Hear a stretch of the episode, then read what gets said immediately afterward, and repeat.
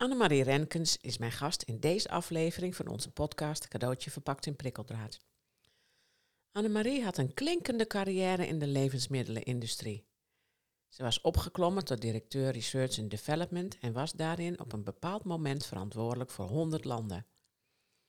Door een reorganisatie verloor ze, voor haar zeer onverwacht, haar baan en wilde daarna iets anders gaan doen.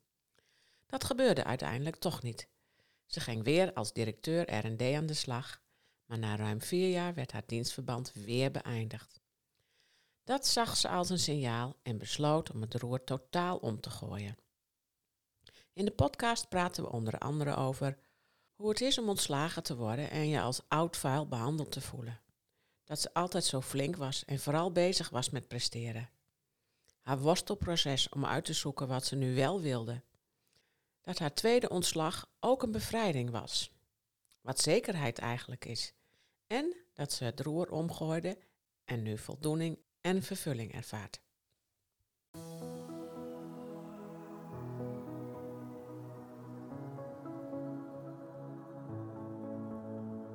Dit is de podcast Cadeautje verpakt in prikkeldraad met Greet Vonk.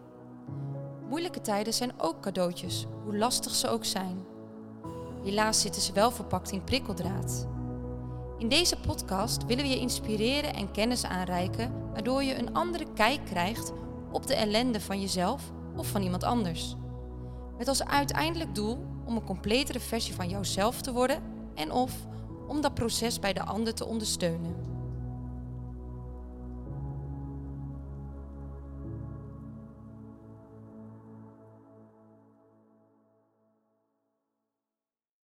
Annemarie, welkom.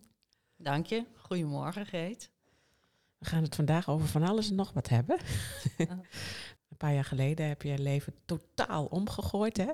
Klopt. Je, je was heel erg gericht op buitenkant, status, imago, hè, hoog komen op de maatschappelijke ladder. En dat heb je in een paar jaar tijd volledig veranderd. Ja. Als ik zo terugkijk, is dat inderdaad letterlijk 180 graden om. Nou, ik heb dik twintig jaar eigenlijk gewerkt in de uh, levensmiddelenindustrie. Met heel veel plezier. Ik heb echt een passie voor uh, eten en drinken. En ik, ik weet ook toen ik die keuze maakte eigenlijk na de HAVO dat ik dacht, ja, maar er is ook perspectief, er is toekomst. Iedereen moet altijd blijven eten en drinken. En, en, ik heb dus eigenlijk altijd in R&D gewerkt, nieuwe producten, uh, nieuwe processen. R&D, ja, research and development. Uh, ja, nee, dus ook een hele carrière bijna in het Engels doorgebracht. dus dat zit erin. En wel heel snel al destijds al die ambitie inderdaad naar groeien en met mensen werken. Dus ik ben eigenlijk al heel jong uh, leiding gaan geven. En ben daarin doorgegroeid, grotere teams, grotere afdelingen. En uiteindelijk de laatste tien jaar ben ik R&D-directeur geweest in twee organisaties. En eigenlijk in 2015. Nou, ik zat destijds bij een hele grote corporate uh, organisatie. Ja, en daar gebeuren dingen, hè? Daar, daar wijzigen dingen. En dan zeg ik ook eerlijk, hoge bomen vangen veel wind.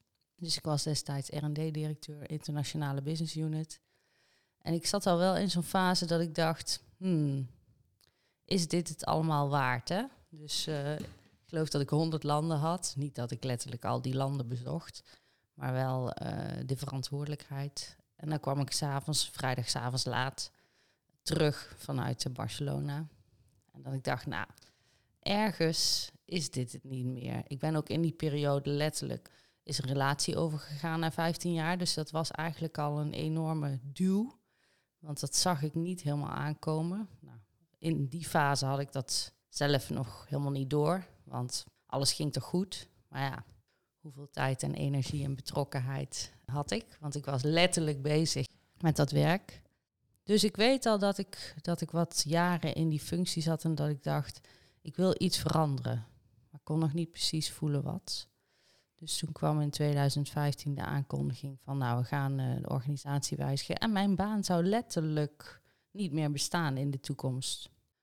Dus nou, die, die kwam redelijk als donderslag bij heldere hemel, aangezien er we waren bezig met reorganisaties, maar dat stuk, ja, dat was echt zo'n verrassing. Dat ik letterlijk dacht, oké, maar wat dan?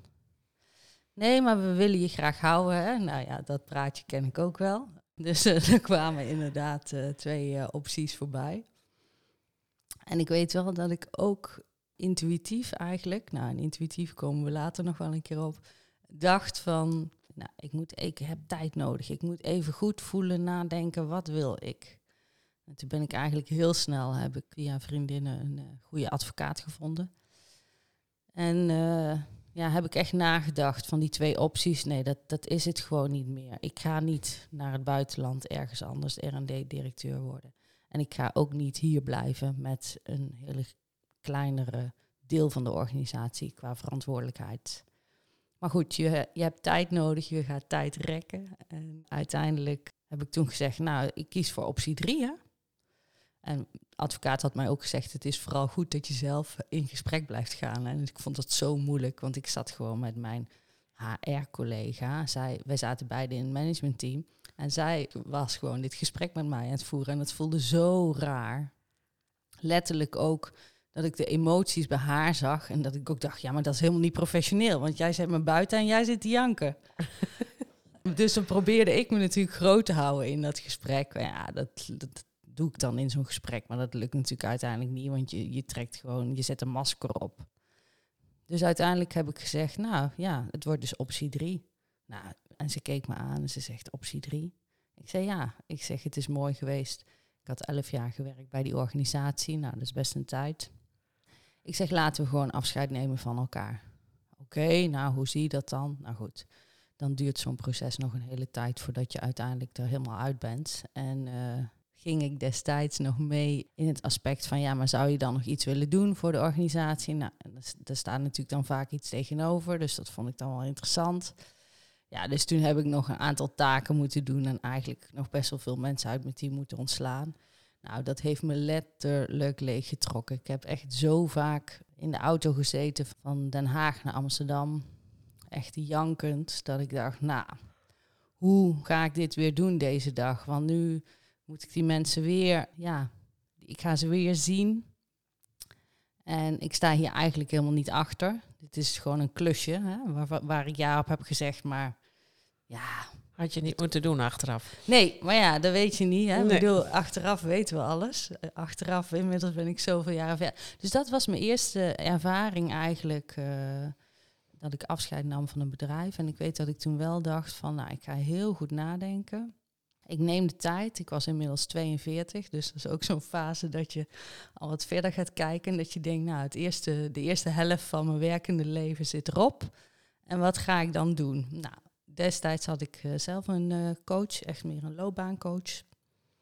En ik, had een, uh, ik heb toen een heel mooi plan ontwikkeld eigenlijk. Een soort van ja, hybride plan, drie poten. Het eerste was echt van, nou ik ga voor mezelf beginnen. Ik was er helemaal klaar mee. Ik denk, ik ga mijn eigen ding doen. En ik had een enorme passie, heb ik nog steeds, voor wijn al ontwikkeld in die jaren daarvoor. Dus ik denk, nou ik ga nog mijn finologenopleiding halen en dan ga ik gewoon iets met wijn doen. Concreet kon ik het nog niet echt maken. En het tweede plan was R&D consultant. En ik denk, nou, na zoveel jaar in de levensmiddelenindustrie als R&D'er kan ik echt wel iets betekenen voor bedrijven. En het derde punt was inderdaad, nou, misschien ga ik dan toch in loondienst. Maar dat vond ik eigenlijk al een heel vies woord, loondienst. Want daar had ik eigenlijk helemaal geen zin meer in. Je was er wel klaar mee. Ja, ja, ongelooflijk. Nou goed, dat heeft dan zijn tijd nodig. Ik had ook zoiets van, ik, ik neem hier de tijd voor, kan het me ook veroorloven. Dus ik had wel zoiets van, nou, één tot twee jaar max.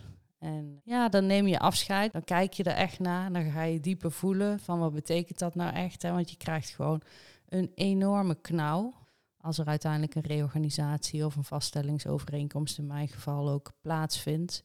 Dat is best ingewikkeld, hè? Want een, nou ja, ik heb in mijn leven de, helaas dit soort dingen ook moeten doen. Ja.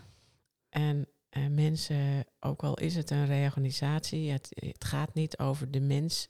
Je voelt het wel heel persoonlijk. Je wordt gewoon bij het afval gezet, eigenlijk. Hè? Zo voelt het. Ja, ja, absoluut. Ik dacht ook echt van, nou heb ik nou daar altijd zo hard voor lopen rennen. En al die moeite gedaan en energie erin gestoken. En nou ja, ik maak, natuurlijk doe je dat zelf. Had ik toen wat minder door dan hoe ik er nu naar kijk. Maar eh, ja, je voelt, het is letterlijk inderdaad wat je zegt, oud vuil. En ik, ik heb destijds zelf ook de gesprekken voorbereid ten aanzien van eh, mijn team. En dat is dan ook bijzonder, want dan, uh, ja, dat was echt zo gecoördineerd. Nou, we hadden geloof ik, ja, er waren wel acht gesprekken volgens mij op één dag, de een na de ander. En dan heb je een heel protocol uitgeschreven. Ja, het is vreselijk, het lijkt wel fabriekswerk als ik erop terugkijk. En je kunt het eigenlijk ook niet voorbereiden, want je kunt het voorbereiden op content, maar je weet niet hoe mensen reageren. Nee. Toen jij zelf uh, ontslag kreeg, was je verrast door je eigen reactie? Of toen je moest stoppen met die baan? Uh, ja, nou, ik was, als, ja, ik was zeker verrast door de kracht die er ergens nog in mij zat. Om mijzelf overeind te houden en er het beste voor mezelf uit te halen. En ja, maar daar zette ik ook wel weer een masker op hoor. Gedurende die periode dat ik nog op mijn werk zat. Dat ik dacht van ja, ik hou me groot voor de omgeving, maar het voelt vreselijk. Ja, nee, dat vond ik echt wel. Uh... Dus je was vooral flink. Ja, ja, nee, en dat is inderdaad iets, dat flink zijn, dat, uh, nou ja, heb ik mezelf met de paplepel uh, ingegoten, aangeleerd van jongs af aan. En dat is ook wel iets als ik nu, hè, waar ik nu sta, terugkijk. Dan zijn er gewoon echt bij mij kwartjes gaan vallen. Als je dan ik heb daarna nog een andere vaststellingsovereenkomst getekend, bij een tweede keer dus bij een bedrijf. En dan ga je terugkijken en toen dacht ik, ach ja, dit is niet voor niks gebeurd. Wat, waar, waar mag ik mee aan de slag? Waar mag ik wat dieper op intunen? Uh, want dit is een signaal, dacht ik. Dit is geen toeval. Nee. Maar je was dus um, om een heel lang verhaal kort te maken, je was dus toch gegaan voor toch nog een keer weer loondienst. Ja, ja, ja, ja, ja maar dat vond ik ook, dat inderdaad, Greet. Ja, ja, ja, ik kan hier eindeloos over praten. Ik, het was een, het, het, was ook absoluut een leuke baan. Hè? Ik bedoel, uh, even los van het bedrijf en de baan. Het, het, is een ondernemend bedrijf. Destijds zijn de patenten verlopen op koffiecapsules. Nou, en uh, zij waren enorm groeiende en uh, maakten dus koffiecapsules, Nespresso, uh, Dolce Gusto compatible noem je dat dan. Gaan we weer in het Engels. Mm. Voor de private label, dus huismerkenmarkt. En fantastisch. Ze hadden daar nog geen R&D-afdeling en ik mocht daar als R&D-directeur aan de slag om die afdeling te bouwen. Nou, dat is ongekend in de levensmiddelenindustrie in deze jaren, dat je echt mag bouwen. Meestal mag je reorganiseren. En ontzettend ondernemende club. De twee eigenaren ook. Ik heb daar ontzettend veel van geleerd, zeg ik ook als ik erop terugkijk.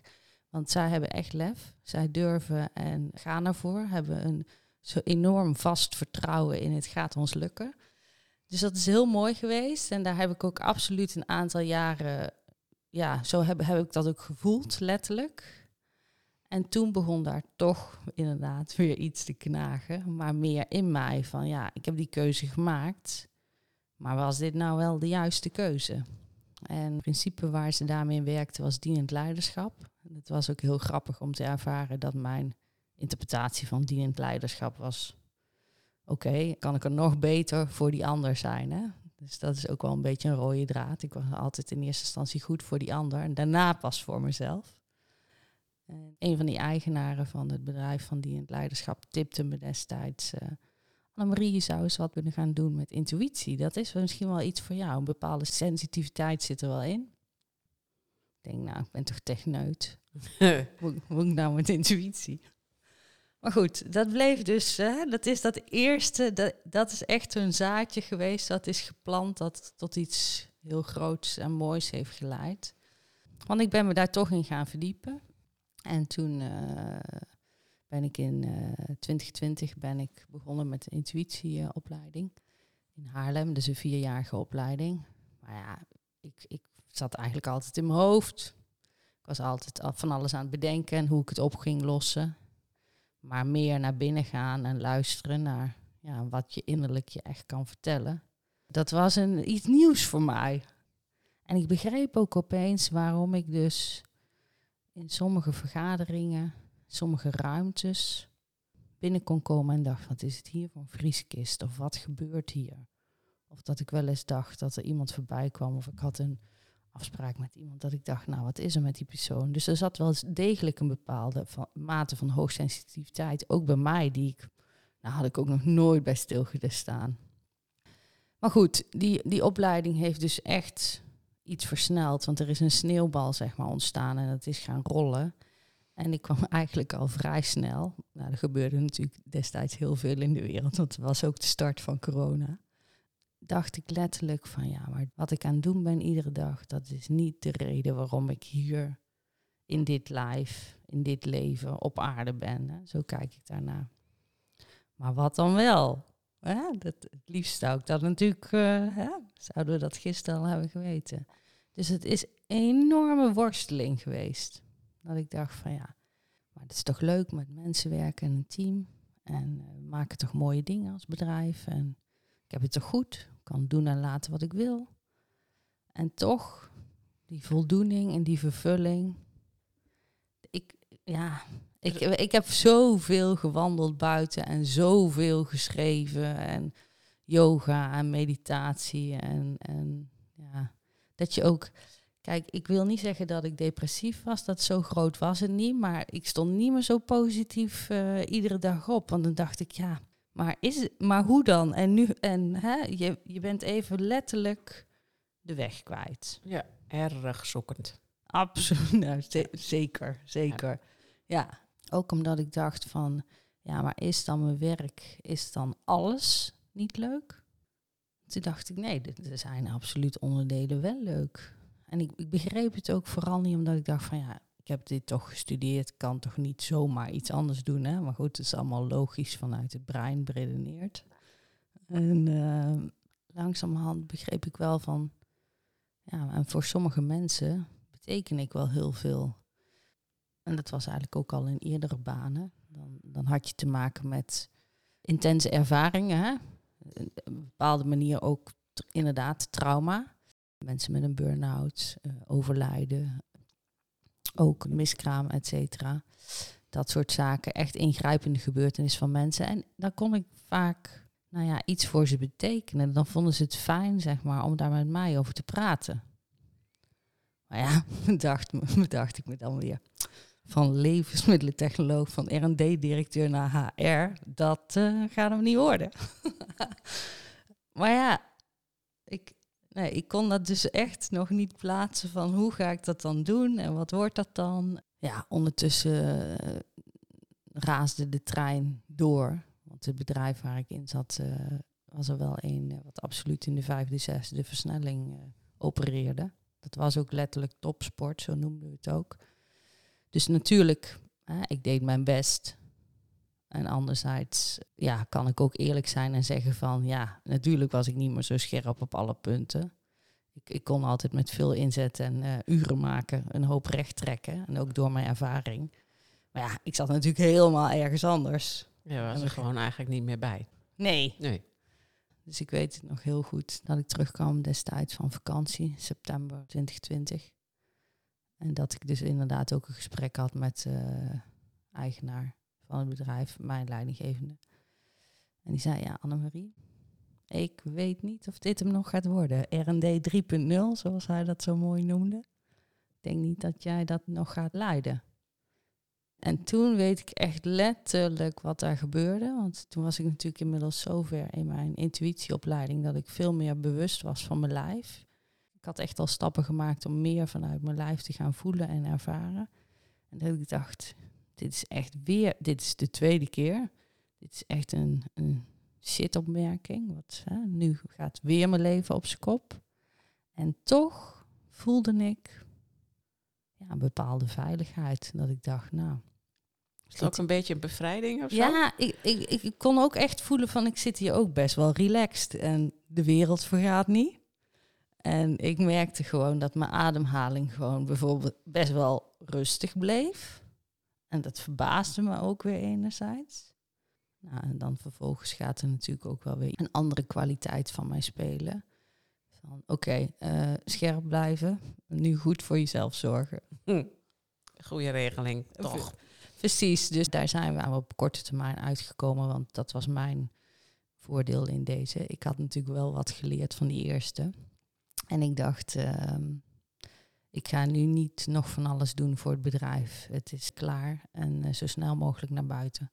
Dus dat is heel snel geweest. En ik weet ook zodra ik naar buiten ging, letterlijk, en ik alles had ingeleverd, dat die dagen daarna kwam er een enorm gevoel van bevrijding.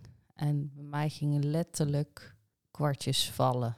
Dus oké, wat ga ik dan doen? Ja, ik wil mensen gaan ondersteunen om eerder te gaan luisteren naar die innerlijke stem en te gaan doen waar echt je talent ligt, waar je goed in bent. En dat ook, dat je, dat je die stap durft te zetten. Want ik kwam er natuurlijk achter dat ik het heel lang had gedaan vanuit ja, kwaliteiten die ik had ontwikkeld. Maar heel erg vanuit overleving heb ik geleerd. Om maar flink te zijn, om maar door te gaan. En, en vooral goed voor jezelf te zorgen. En echt van wie ben ik en wat wil ik. Nou, je zei nu flink te zijn en goed voor jezelf te zorgen. Wat, je zei net, ik zorg eigenlijk helemaal niet goed voor mezelf. Wat bedoel je er nu mee? Um, ik heb het inderdaad. Aan de buitenkant deed ik het. Hè? Ja. Dus, dus natuurlijk, er kwam, er kwam iets leuks op de bankrekening.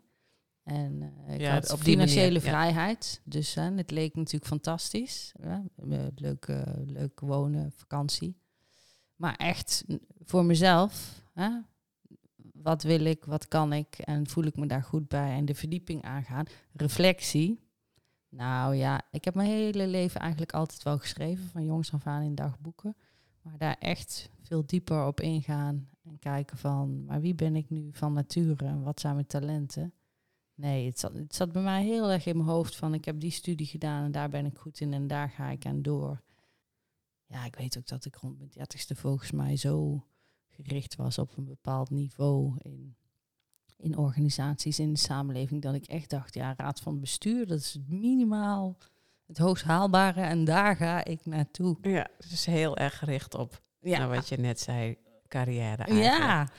En niet gekijken van wat vind ik nou echt leuk. Wat vind ik leuk en, en waar ben ik goed in? En, uh, en dat is dus iets toen ik net zei van, uh, toen vielen die kwartjes en toen wist ik wat ik te doen had. Kijk, wat ik, wat ik uiteindelijk heb besloten is om een eigen coachpraktijk te starten.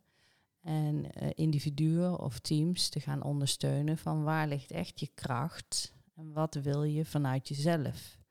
En niet wat wil je vanuit omgeving of wat heb je wellicht onbewust aangeleerd ja, vanuit huis. Ja. Want was dat bij jou zo? Hè? Want je zei net van uh, je was heel erg gericht op carrière. Dus dat is ook iets van status en imago ja. en zo uh, zat daarbij. Was dat moeilijk om dat los te laten? Nee, uiteindelijk niet. Ik, het is natuurlijk wel even spannend geweest, want er zit natuurlijk een bepaalde, nou ik zeg ook eerlijke schijnzekerheid aan vast. Hè? Want het lijkt natuurlijk als je in loondienst bent en als je een bepaalde baan hebt, dat je zekerheden hebt, maar uiteindelijk heeft niemand zekerheden. Maar het heeft natuurlijk wel nog een extra vaststellingsovereenkomst geduurd. Want de eerste keer vond ik het natuurlijk toch nog een beetje te spannend. En ik, ik heb natuurlijk later dat hele uh, wijnidee heb ik toch aan de wilgen gehangen. Want daar had ik nog helemaal geen bedrijfsplan gemaakt, financieel plan. En toen dacht ik, hmm, ja, is toch echt serieus wel een stap de andere kant op in plaats van R&D-directeur. Dus toen vond ik dat nog te moeilijk, ja. Vijf jaar later ging het heel makkelijk. Ja. Wat voor dingen gebeurden er in jou waardoor het makkelijk werd? Ja, dat is uiteindelijk die verstilling die ik eigenlijk echt heb opgezocht. En het gaan begrijpen waar ik vandaan kom en wat ik mij heb aangeleerd. Dus toen het voor mij helder was van ik ga starten met coachen. Ik wil een eigen praktijk openen en ik wil daar meer over leren. Ook in een coachopleiding ga je nogmaals heel diep door je eigen proces. En ik ben me eigenlijk pas toen gaan realiseren wat de impact is van je jeugd op welk gedrag je je aanleert. En ik had dat altijd een beetje ja, statisch, zeg maar, eigenlijk buiten me gezet van ja, mijn vader die is inderdaad een aantal keren overspannen geweest toen ik heel jong was. En dat heeft impact gehad. Punt. Hè? Zo van, dat was van hem. En heel, helemaal niet het bruggetje gelegd met wat die ervaringen voor mij als kind hebben betekend. De interpretaties die ik daaruit heb gehaald en wat ik dus ook tegen mijzelf heb gezegd. Dus daar zit echt een stukje onder van, ehm, ja, ben ik ook echt pas veel later achtergekomen van het niet goed genoeg zijn. Want er is natuurlijk ergens in dat stuk heb ik aandacht gemist. En uh, ja, dat heb ik vertaald naar als ik nou beter mijn best doe, hè, dan zien ze me wel. Dan krijg ik wel aandacht en dan ben ik goed genoeg. Nou, hè, dus dat is op school en zakelijk prima gelukt. Alleen ging het natuurlijk uiteindelijk daaronder om die aandacht. En die kun je als volwassene alleen aan jezelf geven. Mm Maar ja, dat, dus dat is een heel patroon geworden wat uh, tijd heeft gekost om dat te ontrafelen in mezelf.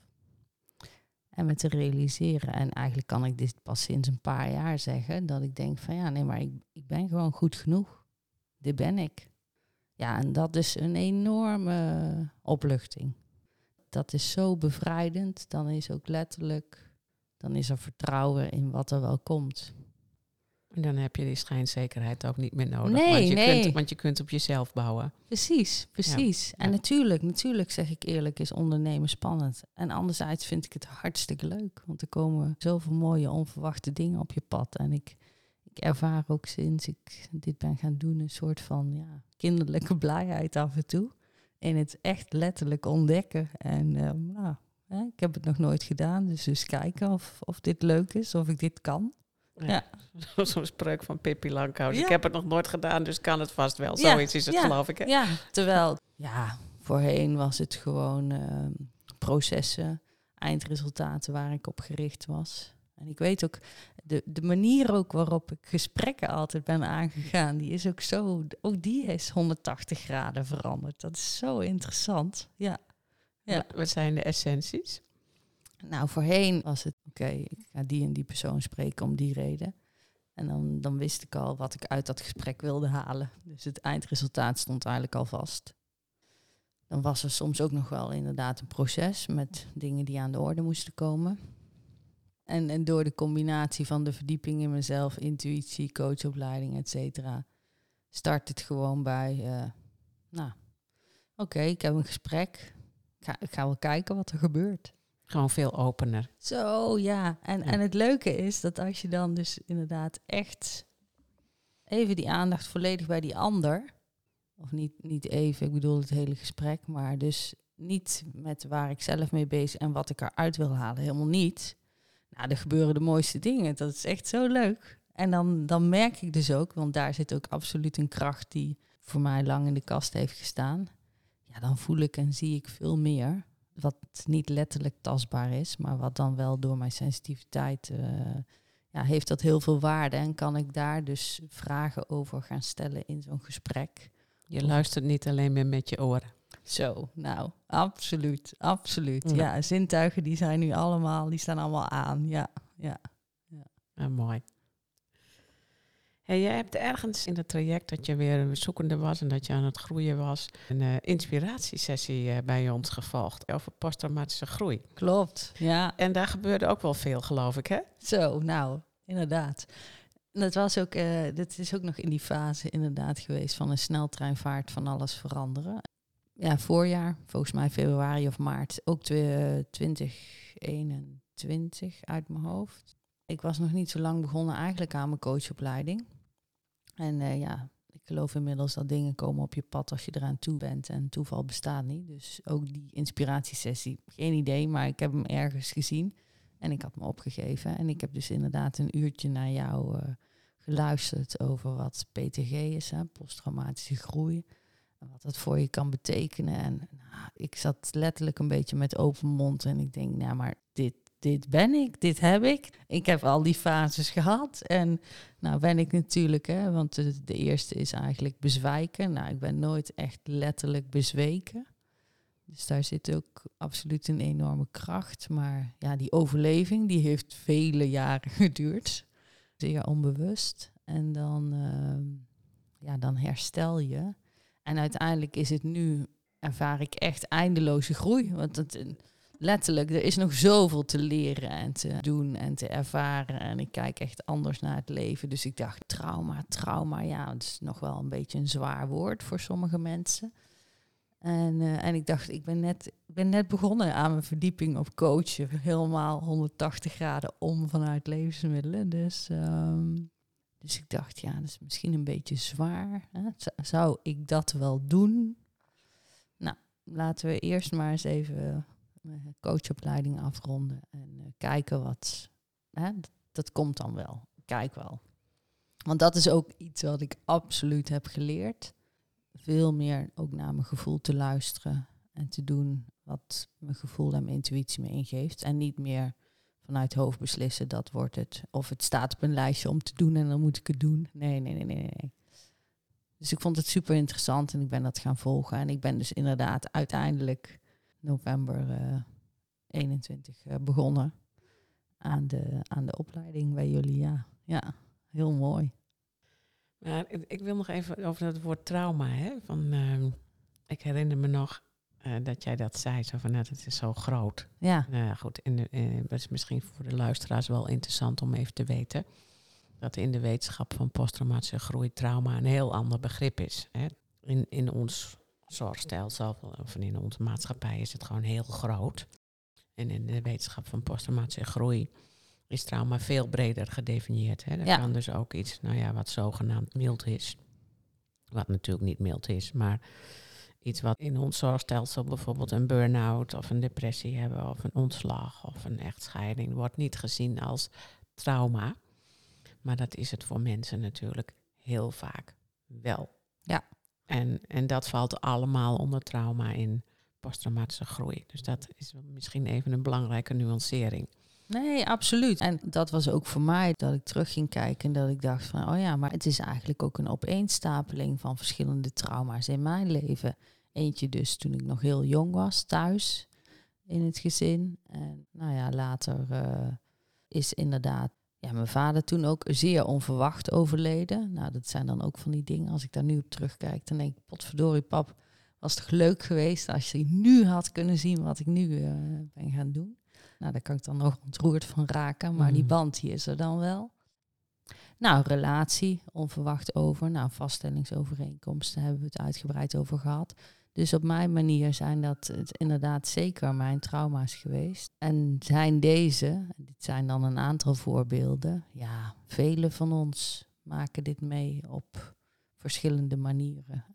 Ja, en dan is het, vind ik heel mooi eh, om nu zelf te ervaren. En ook wat ik daarin kan betekenen van anderen. Om ze eigenlijk te ondersteunen en te, te begeleiden in het pad naar dat je er echt sterker uit kunt komen. Want dat geloven we vaak niet. Als we er middenin zitten, dan, eh, dan denk je, en hoe lang gaat dit nog duren? Ja, En hoe sleep ik me dan weer, hè? 's ochtends na het werk bijvoorbeeld, als je denkt van, dit is het niet meer. ja. Nou ja, maar dat is ook wat je zegt. Je kunt er inderdaad sterker uitkomen of wijzer. Of wij zeggen eigenlijk liefst completer nog. Ja, Hè? Dat je ja. een completere versie van jezelf wordt. Maar eh, ja, dat gaat niet vanzelf. Nee, Dat is een ellendige periode en, en een worsteling. Nou ja, goed, dat heb jij dan ook meegemaakt, jaren. En toch, uiteindelijk kun je dan zeggen, ja, het was de moeite waard. absoluut. Ja, het was, het was meer dan de moeite waard. Ja. Ja. Maar ja, dat weet je pas achteraf. Hey, wij, wij hadden het net over dat het woord trauma voor jou zo groot voelde. Hè, toen. Ja. Eh, en, en hoe is dat nu? Ik weet dat ik het zelf ook vaak omschrijf als intense ervaringen. Dus dan, eh, dan, dan hangt er voor mij al een andere lading aan. Nee, en nu, eh, nu is het absoluut veel kleiner geworden. Nu denk ik eigenlijk van ja, iedereen heeft wel een trauma. Ja, dat weten we ook. Hè. Sowieso 90% van de mensen maakt wel iets mee in het leven wat, je, wat gewoon heftig is. En waarvan je denkt van, nou, nou weet ik het even niet meer. Of Mm. wat je, Ja, nou, dat soort dingen. Ja. Hey, uur aan maneschijn, dat, eh, ja, er zijn ook andere fases vaak in het leven, absoluut. Hey, jij hebt dus eigenlijk alles omgegooid hè, in je leven.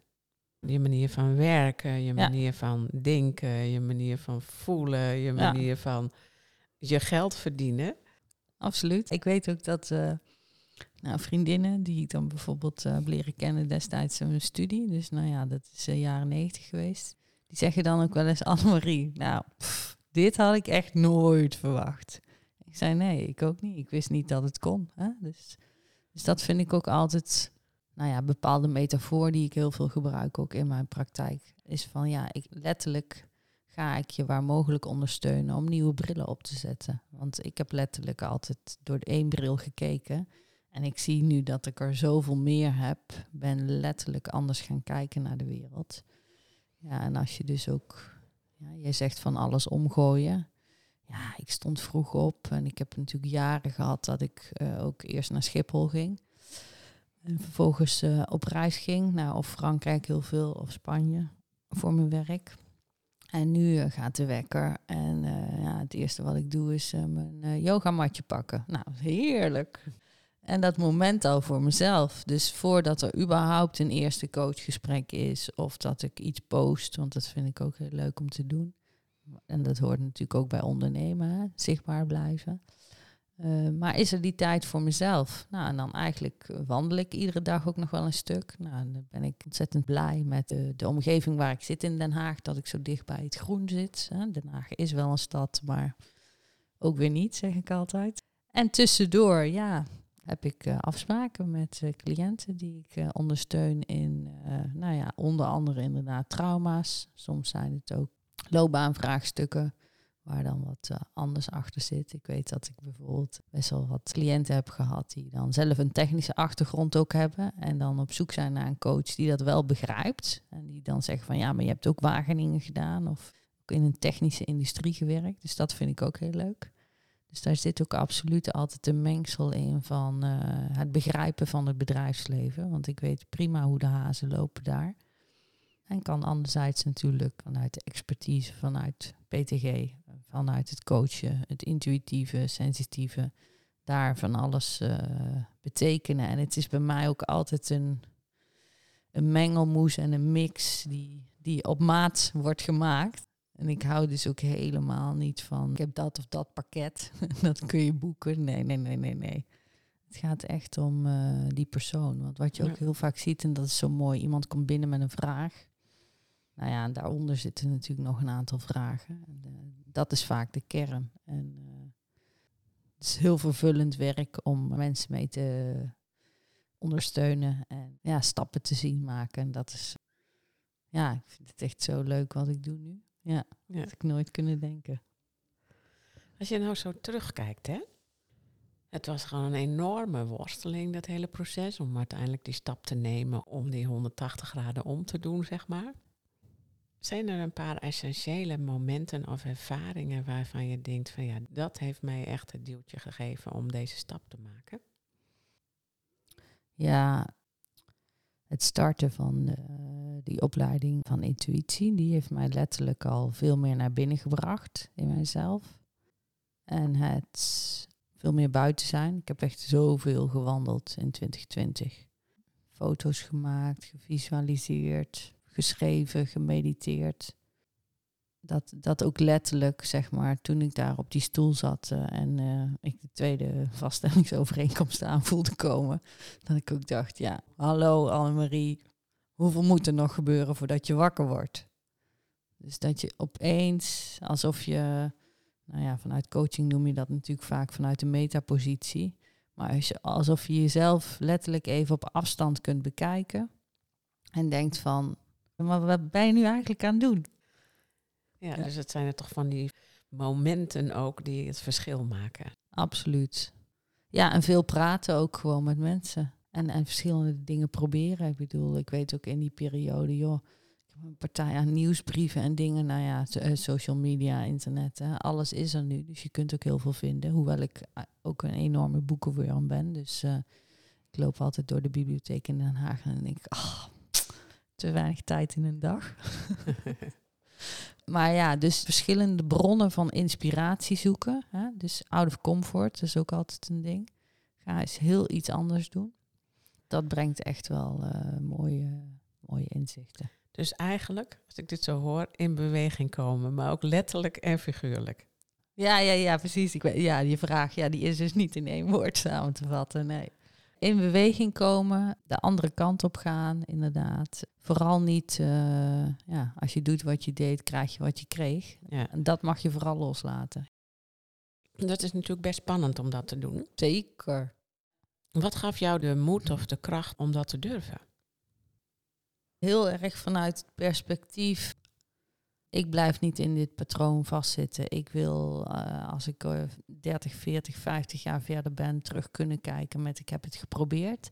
En ik denk dat daar nog wel iets oud zit in de familielijn wat ik heb doorbroken. Dus dat is wel mooi. Ik weet dat mijn vader, uh, hè, dus ik, ik heb natuurlijk wel kort wat verteld over mijn jeugd. Maar zij hadden ook een familiebedrijf met broers, een aannemersbedrijf. En uh, nou, daar hebben ook echt wel verschillende dingen meegespeeld die ik als kind heb meegemaakt en aangehoord. Maar zijn grootste struggle was, ik wil dit eigenlijk helemaal niet. En dan kreeg hij letterlijk te horen van uh, zijn broers: Ja, maar als jij eruit stapt, dan kunnen we het bedrijf wel opdoeken. Dus die heeft zich letterlijk gevangen gevoeld, zeg maar, in in een familiedynamiek. Wat, uh, pff, ja, als ik hem zo voel, dan voel ik weer nog hoe sterk die is. En hij is daar, heeft daar niet aan durven te ontsnappen. En ik denk dat dat een enorme drijfveer voor mij is geweest van ik stap er wel uit. Ik Ja, ga wel iets anders doen. Ja. Je zit gewoon knel. Ja. En het is wel een mooie spreuk. Een eh, vriendin van mij die zei ooit eens tegen me van... nou, je moet nooit de oude schoenen weggooien als je nog geen nieuwe hebt. Behalve als ze erg knellen. ja. Nou ja, precies. Waar ik nu aan denk, Greet, is ook een van de filmpjes die we tijdens de opleiding kregen te zien met die eh, lobster. Toch? Die, ja, die Ja, kreeft. Fantastisch, ja. Dus die jas was inderdaad te strak geworden en Ja. ik wilde echt iets anders. Even voor de luisteraars misschien even iets toelichting over. Dit is een filmpje, als je hem op wilt zoeken op YouTube. En Hij heet How Do Lobsters Grow? En ehm, waar het over gaat is een kreeft die groeit en die groeit. En op een gegeven moment wordt het panzer, zeg maar, of eh, hoe noem je zo'n ding ook alweer?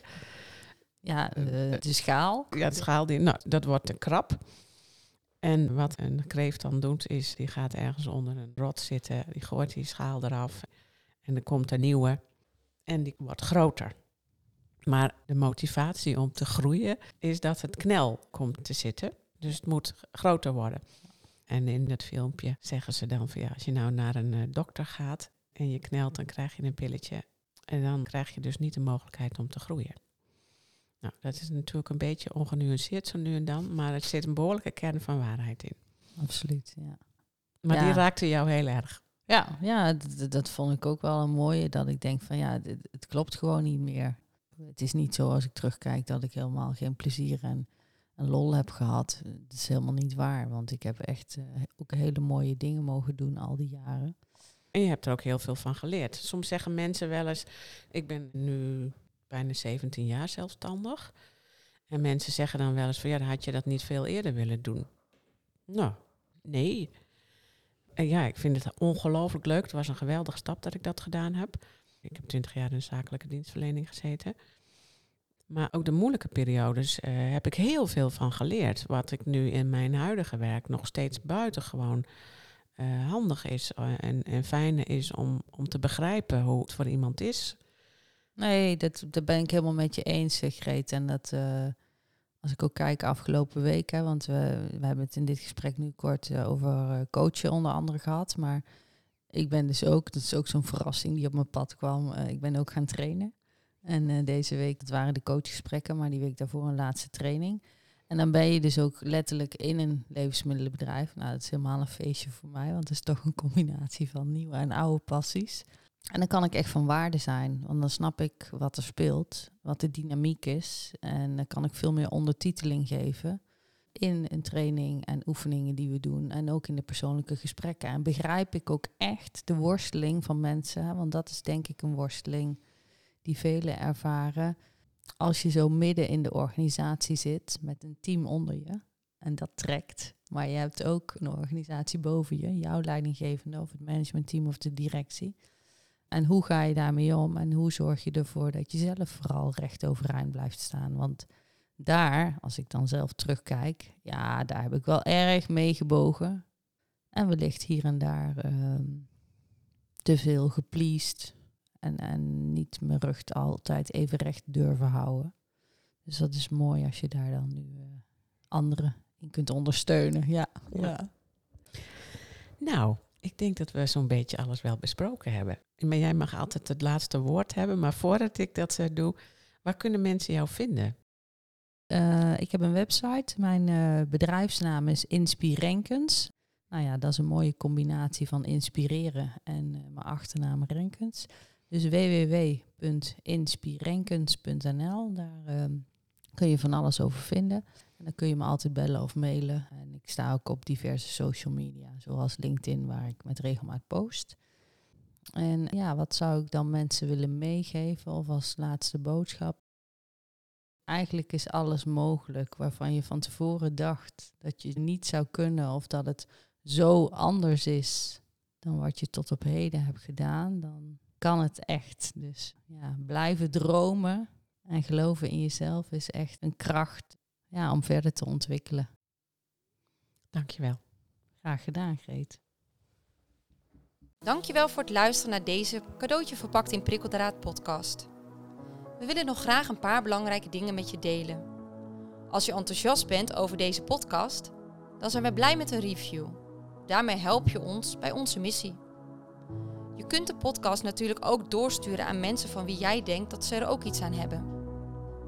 Wil jij voortaan alle nieuwe podcastafleveringen overzichtelijk op een rijtje?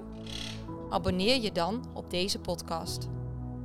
Heb je vragen of ideeën voor deze podcast? Behoor het graag.